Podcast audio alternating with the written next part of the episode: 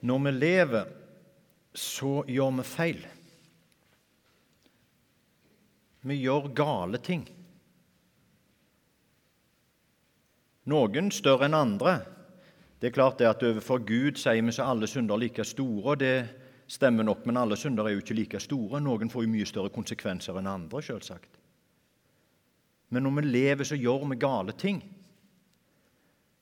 Og hvordan kan vi leve videre? Vi har gjort gale ting.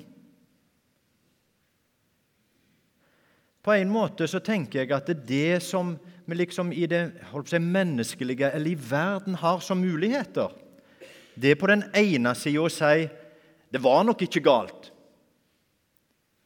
Det er andre som har gjort verre. Eller det var ikke jeg som gjorde det. Eller å liksom glatte over det. Forsvare det. Lyge om det. Det er jo den ene muligheten. Den andre er jo å erkjenne jo det var galt, og det var jeg som gjorde det. Men hvordan skal vi leve videre med det, på en måte? Skal vi bare ta liksom skylden og leve med skammen? Og bli liksom kasta ut? Og forgå, liksom? Og for alltid være han eller hun som gjorde, og som innrømte det, og som forblei. Det er jo ikke gode alternativer, noen av dem, men det er på en måte det eneste vi har i verden.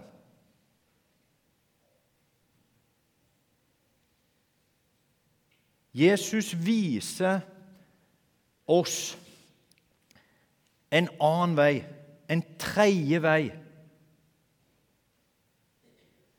Den veien som sier ja, det var galt, og det var jeg som gjorde det, og det har fått konsekvenser. Jeg har skada noen. Jeg har såra noen.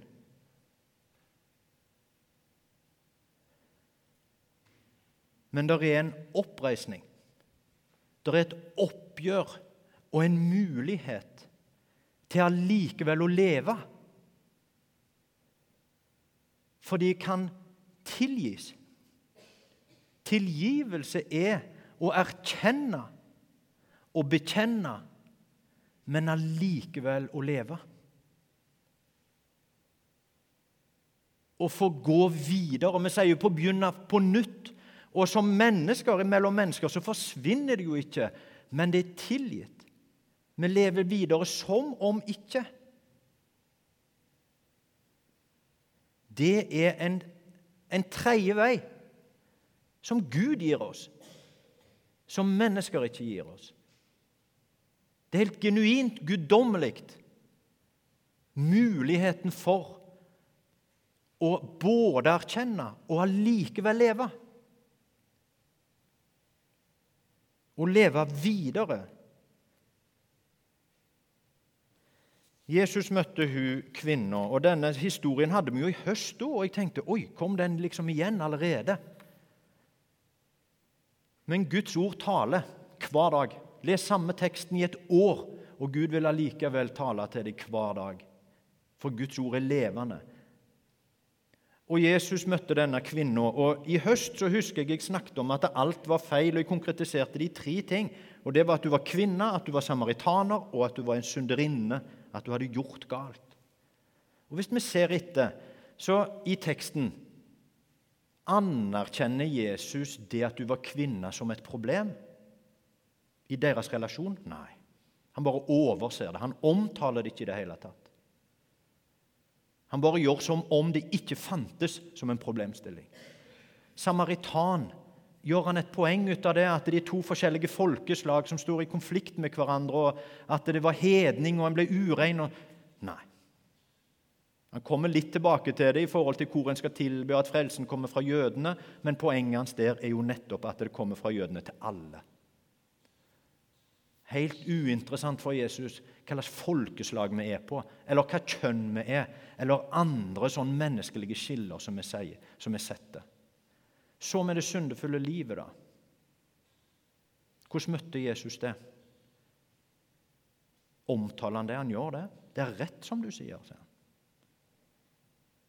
Du har ingen mann, for du har hatt fem menn. Og han du har nå, er ikke din mann. Du har en, en, en annen sin altså en annen sin mann hun hadde, med andre ord. Han bekrefter at det, det er ikke bra. Det er ikke sånn det skal være. Men allikevel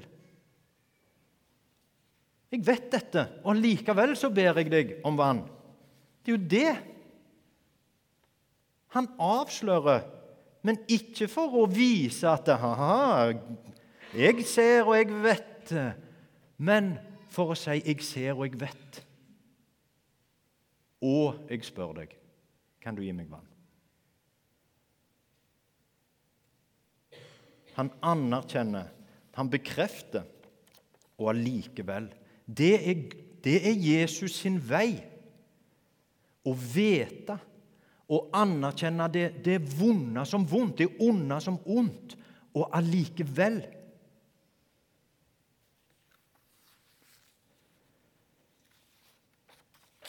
Å leve som menneske er å feile. Og jeg tror det at ikke bare i en åndelig forstand, men i en menneskelig forstand, så er den tredje veien viktig. Hvordan skal vi takle å være et menneske som gjør noe galt, hvis vi på den ene sida enten bare skal liksom avvise at vi gjør noe galt? Det blir jo ikke bedre å leve med en løgner, selv om vi sier at det ikke gjør noe. Konsekvensen er jo den samme. Å være offer for en tjuv er jo akkurat like vondt, selv om tjuven har en eller annen forklaring på hvorfor han gjør det. Ekteskapsbrudd er like vondt for barn, selv om det er vanlig.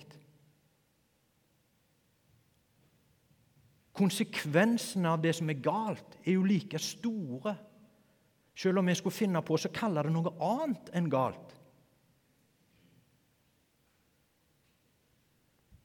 Det eneste levlige er å erkjenne at vi gjør andre vondt. Vi sårer og vi skader.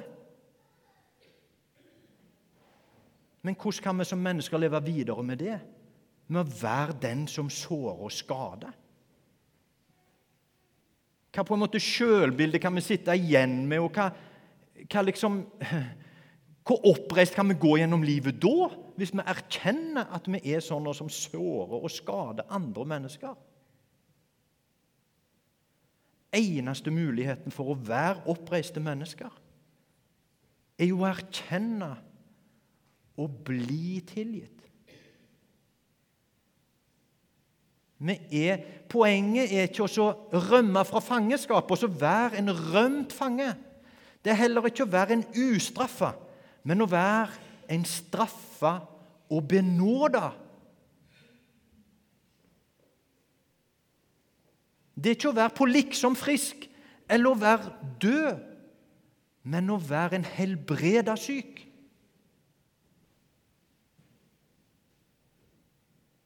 Det er ikke å flyte gjennom livet og overse alt av konsekvenser som livet vårt får. Og det er heller ikke å bli liggende i gjørma, men å være en oppreist fallen, som er den tredje veien. En oppreist fallen. Sier vi at vi ikke har syndet, da bedrar vi oss selv. Men hvis vi bekjenner våre synder, er Han trofast og rettferdig, så Han tilgir oss synden og renser oss for all urett. Og Vi er kanskje vane med å tenke, og det, det er jo rett å tenke at synden er et problem mellom meg og Gud. Men hvorfor har Gud problemer med synd? Hva er det som er problemet med synd, egentlig? Og da kan vi tenke sånn, men jeg tror ikke det er rett. Vi kan tenke sånn at Gud er ehm, Hva skal jeg si Han er veldig skjør på en måte. At det, så, den minste ting vi gjør liksom, åh, åh, At han blir liksom så skaka og plaga av at vi gjør noe galt, for sin del. Problemet i og for seg med synd er jo konsekvensen det får. Hva slags synd går ikke utover noen?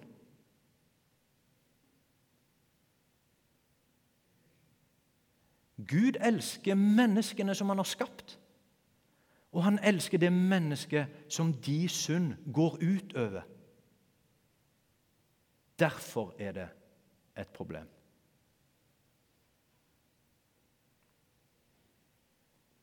Det er ord. Gud er hellig, og han tåler ikke synd. Men det er kanskje i bunn og grunn av denne grunn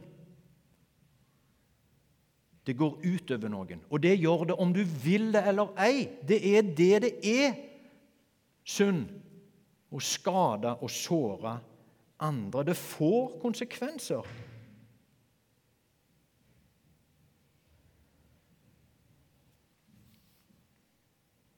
Skam.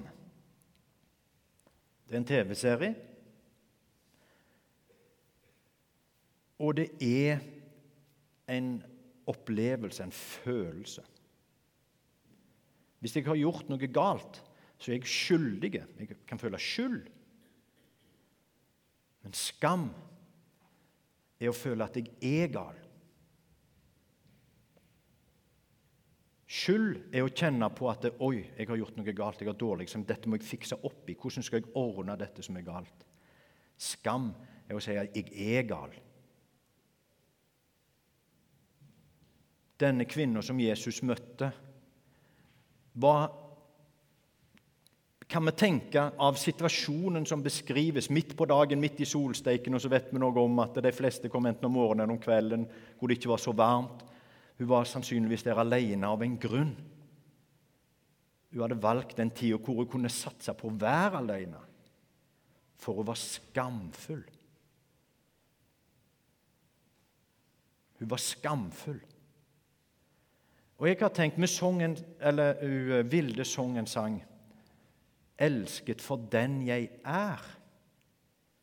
Og når jeg hørte den, og du sang den sist uke, sant, vel, og tenkte ja, ok, var ikke det en litt, litt for suppesøtt på en måte? Var ikke, er det retta?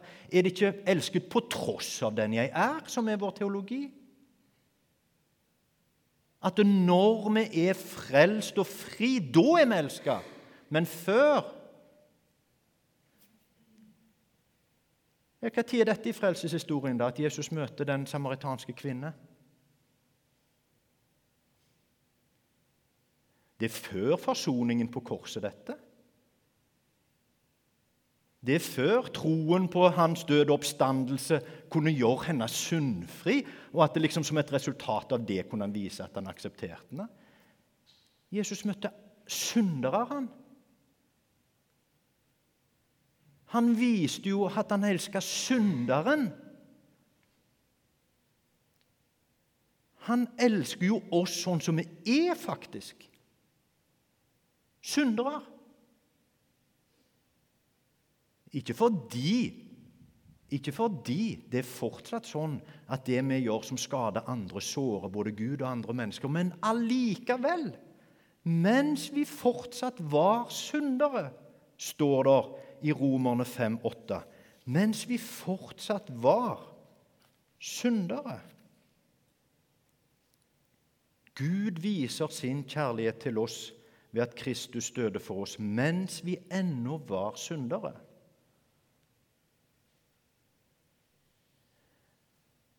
Og jeg delte litt rett før gudstjenesten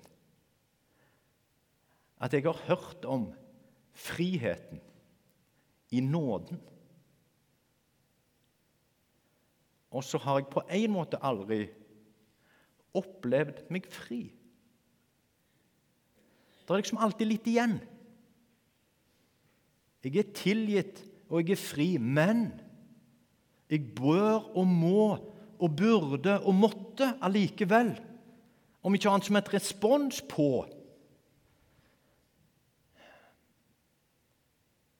Men ligger den fullstendige friheten i at Han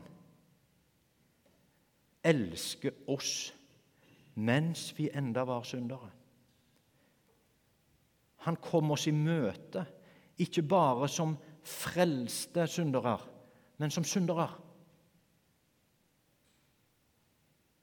Ikke bare for de som har liksom ordnet det opp, men de som ikke har ordnet opp.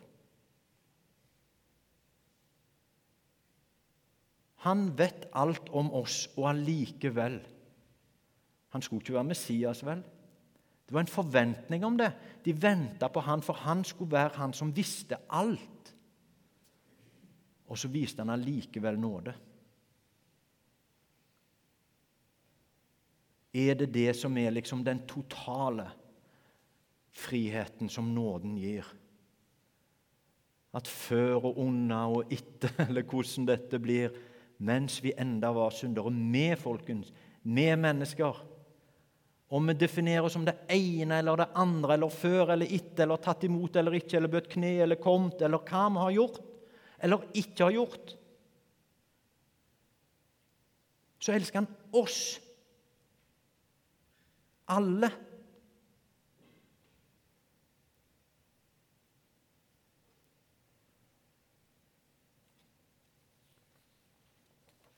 La oss be.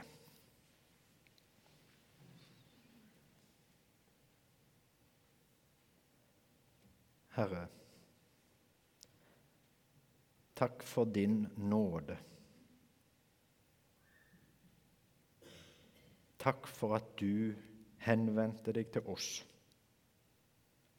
Du vet alt, og allikevel.